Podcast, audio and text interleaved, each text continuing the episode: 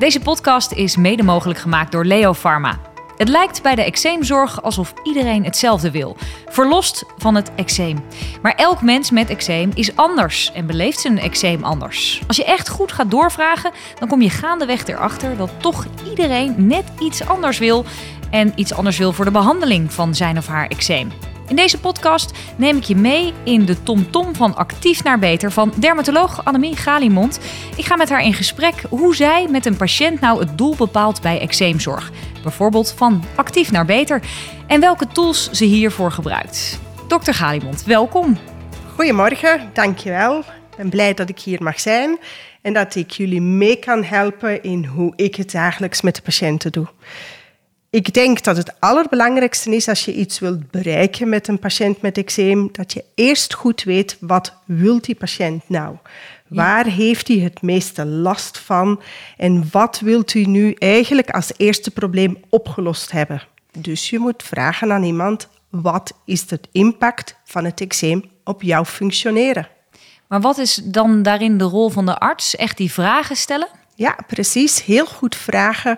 Je proberen, hoe goed of hoe kwaad je dat kan, je in te beelden in zo'n patiënt. En te kijken en goed te vragen van wat belemmert jou nou eigenlijk het meeste? En dat kan soms zijn dat iemand last heeft van bijvoorbeeld eczeem op zijn ogen of juist eczeem op zijn knieën. Dus dat moet je als eerste heel goed weten. Dus je rol als arts is heel goed en heel precies en heel duidelijk de vragen stellen. En wat is de rol van de patiënt hierin dan? De rol van de patiënt is dat hij goed moet weten dat hij dat te goed onder woorden moet brengen. Dat hij ook uh, open moet zijn en proberen eerlijk een antwoord te geven. En te zeggen van ik heb daar het meeste last van. Ook als het bijvoorbeeld iets is wat de patiënt denkt, nou dat vind ik eigenlijk een klein beetje gênant. En uh, uiteindelijk wie bepaalt dan de behandelmethode? Dat bepalen we samen. Want uh, daar gaat de podcast over. Hoe gaan we samen beslissen? Natuurlijk heb ik daar handvatten voor, want ik moet kijken van is een patiënt um, in de categorie mild, matig of zeer ernstig eczeem. Want uiteraard gaan we iets wat mild is niet met hele zware medicatie behandelen, maar iets wat heel ernstig is, gaan we natuurlijk ook niet eenvoudig met een crème behandelen. Dus wij hebben daar eigenlijk met z'n tweeën, de patiënt en ik, een gezamenlijk belang en we gaan kijken hoe we tot de beste route komen. Ja, en dan kijk je vooral dus ook naar het einddoel, wat de patiënt wil bereiken. Precies, naar het behandeldoel, naar het einddoel. Maar ook wat heeft een patiënt ervoor over? Hè? Bijvoorbeeld, soms willen patiënten, alhoewel dat het eczeem ernstig is, geen zwaardere medicijnen slikken of spuiten, omdat ze de bijwerkingen te ernstig vinden. Of een patiënt zegt, ik heb dermate veel last van mijn eczeem, terwijl het toch niet zo uitgebreid eruit ziet, dan moet je ook realiseren dat je daar soms toch wat meer voor moet bieden. Dus je moet eigenlijk met z'n tweeën heel goed weten waar willen we naartoe, wat heeft de patiënt ervoor over en welke bijwerkingen kan de patiënt en uiteraard ook de dokter hiervoor accepteren. Uh, dan nog even naar die dermatocorticosteroïden. Het is sowieso een moeilijk woord, maar wat zijn het nou ook alweer precies en, en hoe werken die middelen? De tongbreker dermatocorticosteroïden, dat noemen wij in de volksmond hormooncrèmes, hormoonzalven. Het is een product dat door je eigen lichaam gemaakt wordt. Wij hebben daar geneesmiddel van gemaakt. Dat noemen wij de cortisone of de dermatocorticosteroïden, de tongbreker. Die uh, geneesmiddelen die doen wij in een product dat je op je huid kan smeren onder vorm van een zalf of van een crème of van een lotion voor op het behaarde hoofd. De werking van het product is dat het eh, de ontsteking die het eczeem veroorzaakt gaat remmen. Dus het is een symptomatische behandeling of het remmen van het eczeem met de jeuk. Als het eczeem onder controle komt door goed gebruik van de dermatocorticosteroïden, dan zien we dat het eczeem gaat verdwijnen, maar ook de jeuk gaat weg. En dat is natuurlijk een leuke bijvangst voor patiënten die ernstige last hebben van de jeuk. Die hormooncremes en die hormoonzalven, daar zit natuurlijk een enorme berg aan desinformatie op internet die niet klopt. Um, wij weten na al deze jaren, hè, want we hebben al meer dan 50 jaar hormooncremes en zalven, wij weten uit miljoenen patiënten die het gebruikt hebben dat het alleen maar bij zeer onzorgvuldig gebruik kan last en bijwerkingen geven. De meeste bijwerkingen waar mensen bang van zijn, dat is witte vlekken, haargroei of verdunning van de huid. We hebben um, een aantal jaar geleden met de Nederlandse Vereniging voor Dermatologen een mooie leidraad gemaakt waar we alle literatuur die beschikbaar is nog eens goed op een rij gezet hebben. En samen met de patiëntenverenigingen hebben we goede informatiefolders gemaakt van hoe moet je het nu gebruiken, wat is veilig gebruik, hoe vaak moet je smeren? Moet je dik of dun smeren? Ik kan u vertellen, je moet dik smeren. Wanneer moet je beginnen? Wanneer mag je eindigen? En voornamelijk wat heel belangrijk is, van hoeveel mag je maximaal gedurende welke periode gebruiken?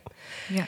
Um, wij hebben een hele goede richtlijn. Die hebben we recentelijk samen met de NVDV nog uh, helemaal herschreven. Alle bekende literatuur herbeoordeeld op basis daarvan weten we dat we inmiddels al een veelvoud aan miljoenen van patiënten behandeld hebben.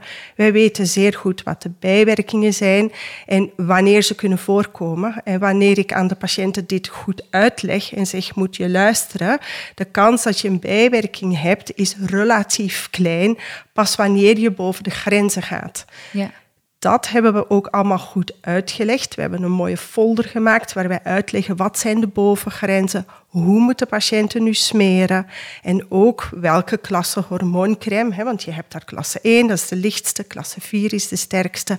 Welke klasse gebruik je nu op welk deel van het lichaam? Ja. Dus over goed gebruik hebben zowel de dermatologenvereniging, maar ook de patiëntenvereniging goede informatiefolders gemaakt. Als je dat goed aanpakt en goed uitlegt en aan de patiënt uitlegt dat eigenlijk de kwaliteit van leven veel meer te lijden heeft dan de mogelijke bijwerkingen, als je dat goed uitlegt, dan gaan de meeste patiënten wel om. Ja, en tegenwoordig is er ook heel veel desinformatie op het internet te vinden over dermatocorticosteroïden. Uh, het is zaak dat, uh, ja, dat, om hier bijvoorbeeld niet aan voorbij te gaan. Hè. Je moet echt wel luisteren naar wat zij daarover te vertellen hebben. Maar het lijkt me ook lastig, uh, omdat er dus heel veel informatie is die niet klopt, waar iemand dan wel echt in gelooft. Dat is inderdaad een heel groot probleem. Ik noem het altijd professor Facebook en dokter Google. Die, uh, uh, ja, iedereen kan wat vertellen op internet. Er is ontzettend veel desinformatie over de dermatocorticosteroïden, over de hormooncremes. Daar mag je zeker niet aan voorbij gaan. Welke desinformatie hebben we het dan over? Wat hoor je veel voorbij komen? Ik uh, zie op internet uh, heel veel voorbij komen. Hoor ik overigens ook in de spreekkamer bij patiënten terug. Het gaat heel breed van eczeem komt uit de darmen. Eczeem komt per definitie van voeding of van een voedingsallergie, wat natuurlijk niet klopt. En ik hoor ook helaas heel veel desinformatie over de dermatocorticosteroïden, dat die gevaarlijk zijn, dat die verslavend zijn en dat je ze absoluut niet moet gebruiken. En dat is dus desinformatie voor de duidelijkheid nog even. dat klopt niet.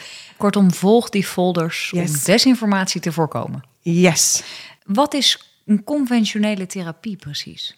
De conventionele therapieën die gebruiken wanneer of patiënten bij ons voor de eerste keer komen als ze al gelijk een zeer ernstig eczeem hebben. Dan kan je natuurlijk niet zeggen van gaat u maar eerst even smeren. Dat is niet erg patiëntvriendelijk. Of wanneer patiënten echt goed gesmeerd hebben, voldoende dik, voldoende lang en voldoende hoeveelheden gebruikt hebben en toch geen verbetering zien met hun eczeem, dan moet je patiënten op de conventionele systemische therapie gaan zetten. Wat betekent dat ook tongbrekerwoord nu eigenlijk? Dat zijn tabletten of injecties en die kan je gebruiken om of te injecteren of te slikken, waardoor het geneesmiddel in het hele lichaam in het bloed opgenomen wordt. En zo kan de huid niet alleen van buiten met de crèmes, maar ook nog eens van binnenuit mee behandeld worden. Wij hebben daar keuzes in. We hebben vier geneesmiddelen die bij ons in onze richtlijn van de NVDV, van de Nederlandse Vereniging van Dermatologen, staat. Daar is niet echt een eerste of een tweede of een derde of een vierde keuze. Ze zijn allemaal op dezelfde lijn. De eerste is cyclosporine. Ehm, die, die hebben we al gedurende vele jaren. Die kunnen we als tabletten gebruiken. We hebben de metotrexaat, die kennen we ook van bij de reumatologen. Die kunnen we als tabletjes of als injecties gebruiken. We hebben de mycophenolfenolaat en de azatioprine, dat zijn tabletten. Hoe dat we nu de keuze maken, daar hebben we een mooie consultkaart van. Uh, daarmee kunnen we de patiënt ook helpen om een goede keuze te maken. En dat kun je ook terugvinden op thuisarts.nl. Die keuzes die maak je op basis van um, wat wil een patiënt, welke bijwerkingen kan die accepteren, maar ook mag een patiënt het medicijn, want soms heeft een patiënt een geneesmiddel of een ziekte waardoor een bepaald medicijn al gewoon afvalt, dan houdt het op. En zijn er ook alternatieven? Voor de dermatocorticosteroïden hebben we nog wel alternatieven. Dat zijn de topicale immunomodulatoren. Dat uh, zijn de pimecrolimus en de tacrolimus. Um, die kunnen ook gebruikt worden en de goede oude teerzalf willen we ook nog wel eens gebruiken. Nu weten we, teerzalf is een wat vervelender product, want dat kan onaangename geur geven, dat kan ook vlekken geven. Dat uh, ja, met momenten gebruiken we het wel, met momenten gebruiken we het niet. Het staat niet als eerste keuze in de behandeling voor mensen met eczeem, maar als het echt niet anders kan, zou je dat kunnen aanbieden. We weten van de pimecrolimus en de tacrolimus, dus eh, de topicale immunomodulatoren, weten we dat die ook een goed effect kunnen hebben. Alleen voor wat eh, ernstiger eczeem zijn ze minder effectief en ze kunnen als vervelende bijwerkingen branden hebben. En uh, als nou uiteindelijk die toegepaste intensieve topicale therapie niet werkt, zijn er dan nog alternatieve behandelmethoden? Gelukkig wel, want we hebben toch een deel van onze patiënten die of met een ernstig eczeem gelijk binnenkomen als eerste consult. Daar moet je eigenlijk niet gelijk beginnen met lokaal smeren. Of hè, we hebben eczeem dat niet goed reageert op de lokale therapieën. Daar hebben we tegenwoordig uh, twee uh, middelen voor. De conventionele systemische medicaties, dat zijn de wat oudere, traditionelere geneesmiddelen. En we hebben de nieuwe geneesmiddelen, die noemen wij de biologics of de jakremmers. Wat zijn de nieuwe geneesmiddelen waar je het over hebt? De nieuwe geneesmiddelen, dat zijn de biologics of de jakremmers. Ook de geneeskunde gaat vooruit. Uh, ook weten we steeds beter welke mechanismes nu bij ziekte uh, verstoord zijn, waardoor ziektes ontstaan. Daardoor zie je in de loop van de jaren dat er ook nieuwe geneesmiddelen ontstaan. En dat noemen we de biologic en de jakremmers. Die hebben we voor het eczeem. Um, die hebben we sinds een aantal jaren. Daar kom je niet gelijk voor in aanmerking, omdat daar ook een vergoedingensystematiek aan de grondslag ligt. Het zijn of op dit ogenblik de nog wat we noemen dure geneesmiddelen. Eerst moet je de conventionele systemische medicatie hebben gehad. En als dat niet werkt, dan kan je in aanmerking komen voor een van deze twee, of de biologic of de jakremmer. Maar je moet natuurlijk ook een aantal andere voorwaarden hebben, want je dermatoloog moet ook geschikt zijn daarvoor, want je dermatoloog moet een goed eczeemcentrum hebben, die moet weten hoe die om moet gaan met de geneesmiddelen, die moet ook weten hoe je een patiënt smeeruitleg moet geven, die moet ook goed kunnen omgaan met de oude of de systemische conventionele middelen. En als zowel de dermatoloog als de patiënt geschikt zijn, dan kan het geneesmiddel gestart worden omdat er natuurlijk nog nieuwe geneesmiddelen zijn, vinden we het ook heel belangrijk dat die allemaal in registries bijgehouden worden. Dat zijn databanken waar dermatologen de voor- en de nadelen, de patiëntkenmerken, uiteraard uh, anoniem aanleveren, zodanig dat we ook steeds meer informatie kunnen verzamelen, waarbij dat wij beter in de toekomst op maat kunnen een patiënt gaan behandelen. Want we hebben natuurlijk van al deze nieuwere geneesmiddelen allemaal mooie wetenschappelijke studies. Maar wij willen natuurlijk ook de real-life data hebben. Wat gebeurt er in de praktijk? Dus niet alleen je patiënt moet geschikt zijn, maar ook je dermatoloog moet geschikt zijn. En die moet eigenlijk braaf alle data aanleveren. Ja, dus er is behoorlijk wat keuze. Er is behoorlijk wat keuze. Ja, maar hoe maak je dan uiteindelijk samen met de patiënt die goede keuze? Hoe, hoe ga je dat plan uitwerken? Hoe ga je knopen doorhakken? Voor de keuze, gaan we altijd samen met de patiënt uh, doen natuurlijk, want uiteindelijk is degene die het moet gebruiken. Ik heb een aantal handvatten daarvoor. Eén, wilt de patiënt slikken of spuiten, zoals in het programma? Um, wilt hij wel of niet een bloedafname nog hebben? Want dat is ook relevant, want sommige patiënten zijn na jaren uh, bloedafnames wel een beetje klaar mee. Je moet ook weten, heeft iemand kinderwens, want dat kan ook van invloed zijn. Je moet ook weten hoe gezond is iemand geweest? Is er sprake van actieve kanker of is er sprake van kanker in het verleden? Heeft iemand last gehad van tromboembolische gebeurtenissen? Dat betekent uh, of bloedklonters ergens, want dat maakt ook een beslismoment.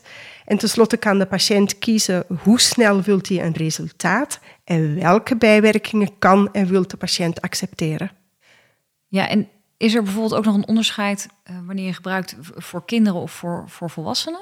We gaan altijd eerst kijken, um, ben je een volwassen of ben je een kind? Um, voor onze kinderen hebben we natuurlijk ook de conventionele systemische medicatie die we kunnen gebruiken. We hebben zeer veel ervaring met, um, met de systemische medicaties die we uit onze registers halen. Dat noemen we de registries. We hebben de informatie die we hebben voor de methotrexaat, de cyclosporine, de azatioprine en de mycophenolfenolaat. Die hebben we op een rij gezet en we hebben daar een addendum gemaakt op onze richtlijn constitutioneel eczeem. Hebben daar ook een handige handvat voor gemaakt voor in de dagelijkse praktijk. Dus als er een kind komt met ernstig eczeem, dan kunnen we de voor's en de tegens van elk medicijn, afhankelijk van de leeftijd van het kind, met het kind. En als een kind wat, uh, wat jonger is, ook met de ouders bespreken. Wat zijn de voordelen, wat zijn de nadelen, wat zijn de eventueel te verwachten bijwerkingen. Maar ook bijvoorbeeld wilt een kind een injectie of wilt een kind een tablet slikken. Dus uh, daar hebben we een, uh, in onze richtlijn een addendum op gemaakt die je in de dagelijkse praktijk kan gebruiken om door het behandelplan van je kind te komen.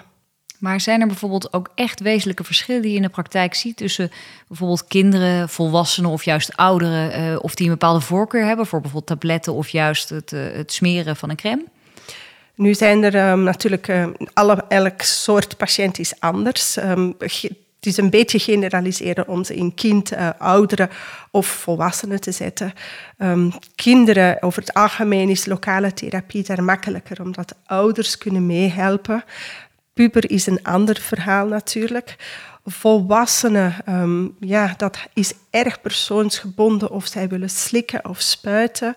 En mensen met die voornamelijk onze ouderen, daar wordt het vaak onhandig om mensen als ze zelf niet heel goed kunnen smeren, om ze twee keer per dag te laten insmeren door bijvoorbeeld de thuiszorg of door een partner.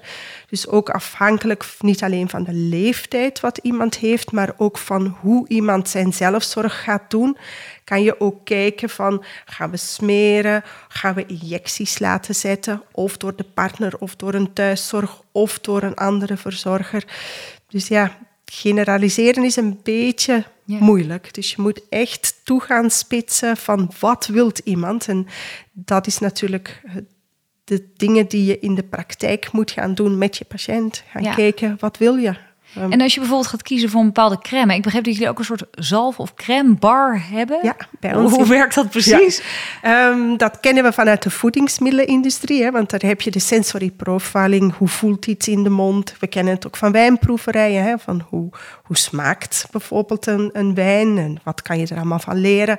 We hebben bij ons in de praktijk een bar gemaakt. Dat is een plank met gaten die we erin gedraaid hebben. Die gaten die zijn even groot als de dop van een tube. Daar hebben we dan alle tubes ingezet. Er hebben we tubes met lichtvetten tot zeer vettend. En die gebruiken wij in onze dagelijkse praktijk. Want een patiënt die moet smeren, dat is een opgave. En ik zeg altijd, beter een potje vet op het vel dan een potje vet in de kast. Dus en hoe krijg je nu dat potje, vel op, uh, op, uh, dat potje vet op het vel? Nou, door een patiënt mee te laten kiezen in wat hij nou of zij fijn vindt om te smeren. Dus wat doen wij maar dan? heb je daar dan ook echt een verschil in? in ja, daar is echt een verschil in. Um, bijvoorbeeld een, een, crème die uh, wat, uh, wat vetter is, die zal eerder op het lichaam blijven liggen. Die zal wat meer gaan plakken. Dat is misschien fijn als je moet gaan zwemmen, dat je een beschermlaagje hebt. Of in de winter, als je bijvoorbeeld geen kloofjes op je handen wilt. Maar in de zomer is dat dan weer onprettig, want dat gaat dan meer zweten en dat is onprettiger. Dus je moet echt een patiënt betrekken bij het kiezen van zijn emollients, wat we de vettende crèmes noemen. Dat kan je op je praktijk doen. Dan kan je patiënten laten oefenen met de verpleegkundige door op allerlei uh, blootgestelde lichaamsdelen een beetje te smeren. Dan ga je vragen hoe vind je dat het smeert, hoe vind je dat het ruikt, hoe vind je dat het aanvoelt. Je kan er ook voor kiezen, en dat doe ik vaker, door uh, kleine samplepotjes te nemen en kleine hoeveelheden uit je tubes erin te doen Uiteraard mag je dan niet vergeten de potjes te nummeren, want anders weet je niet meer. Anders weet je niet meer welke crème je hebt nee, meegegeven. Nee, precies. En dan kan je de patiënt achteraf zeggen van... kijk, nummer 1 was bijvoorbeeld Lanette crème en nummer 4 was bijvoorbeeld de koelzalf. Mail dan even welk recept je wilt. Ja. We hebben ook in Nederland, zijn we overigens het enige land dat op recept vergoede emollientia heeft. We kunnen natuurlijk ook patiënten adviseren om crèmes en zalven te kopen in de apotheek of bijvoorbeeld in, in drogisterijen. Dat vind ik persoonlijk een manco van de NVDV, van onze beroepsvereniging, dat wij niet een lijst hebben van wat vinden wij eczeemvriendelijke crèmes die patiënten kunnen kopen. Dus in elke praktijk zal dat een beetje wisselend zijn. Dus bijvoorbeeld, ik stuur patiënten soms naar de Lidl of soms naar de Aldi of soms naar de drogist. Ja. En van een aantal van die producten heb ik natuurlijk monsters in de praktijk liggen, waar ze dan kunnen proberen of ze de crème van de ene drogist of de andere drogist fijner vinden of niet. Want zoals ik al zeg, pottenkevet moet niet in de kast, maar op het vel. Ja, precies. Nou, het is een helder verhaal. Zijn er nog tips die je, die je mee wil geven? Voor de patiënt? nou, voor de arts. Voor de arts. Eén, het allerbelangrijkste is natuurlijk um, dat je heel goed moet luisteren. Wat wil je patiënt? Want soms zie ik patiënten van kop tot teen onderstaan met het eczeem. En die vinden dan eigenlijk alleen maar de ogen belangrijk. Of soms zie ik patiënten met drie keer niets aan eczeemafwijkingen. Die toch een enorme impact op hun kwaliteit van leven ervaren. Luister heel erg goed naar wat wilt die patiënt. Ga daar niet aan voorbij. Probeer in eerste instantie een goede connectie te maken. Dat lijkt alsof we daar geen tijd voor hebben, maar dat, uh, dat is eigenlijk het allerbelangrijkste. You never get a second chance for a first impression. Dus gelijk goed uitvragen. En kijk samen met je patiënt waar je die gaat klasseren en wat hij ervoor over heeft om bepaalde bijwerkingen wel of niet te accepteren. En jij kan wel als arts natuurlijk een idee hebben, maar het is uiteindelijk de patiënt die je moet vertrouwen. Ja, precies. En wat zou de patiënt echt moeten doen als die zo'n traject ingaat? Wat de patiënt moet doen is uh, één, heel duidelijk communiceren. Zeggen van ik wil um, dit behandeld hebben. Um, bijvoorbeeld, um, ik twijfel over jou, bijvoorbeeld als arts, want ik heb gelezen dit, of ik heb over hormooncrème wat gelezen, of ik heb gelezen op uh, whatever platform of gelezen in een YouTube-video dat het uit mijn darmen, vanuit de voeding, vanuit whatever komt.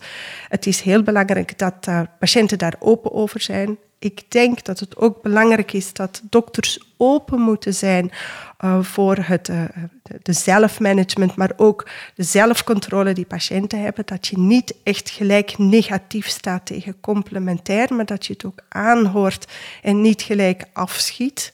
Dus ik denk dat dat ook heel belangrijk is. Want ja. patiënten hebben zelf beschikkingsrecht. Wanneer is een behandeling voor jou geslaagd, Annemie? Wanneer een behandeling geslaagd is, dan kan ik er paar van noemen in de praktijk. Dan heb je patiënten die komen binnen met een hele hoop twijfels, staan van kop tot teen onder het eczeem, hebben al een, een veelvoud aan crèmes en zalven gebruikt. Als wij met onze hele lieve verpleegkundige um, heel goed uitleg hebben gegeven, ze hebben een crème gekozen, ze hebben desondanks hun twijfels toch de hormooncrème gebruikt. En ze zeggen tegen mij, nadat ik ze na een paar weken terug laat komen, dit had ik zoveel eerder moeten doen. Ja, dat is inderdaad ja. een geslaagde behandeling ja. uiteindelijk dan. Um, Annemie Galimond, dermatoloog, mag ik je danken voor het delen van al jouw ervaringen. Um, en uh, nou ja, voor het delen van jouw kennis ook. Uh, tot zover deze podcast over eczeemzorg van actief naar beter. Dank voor het luisteren.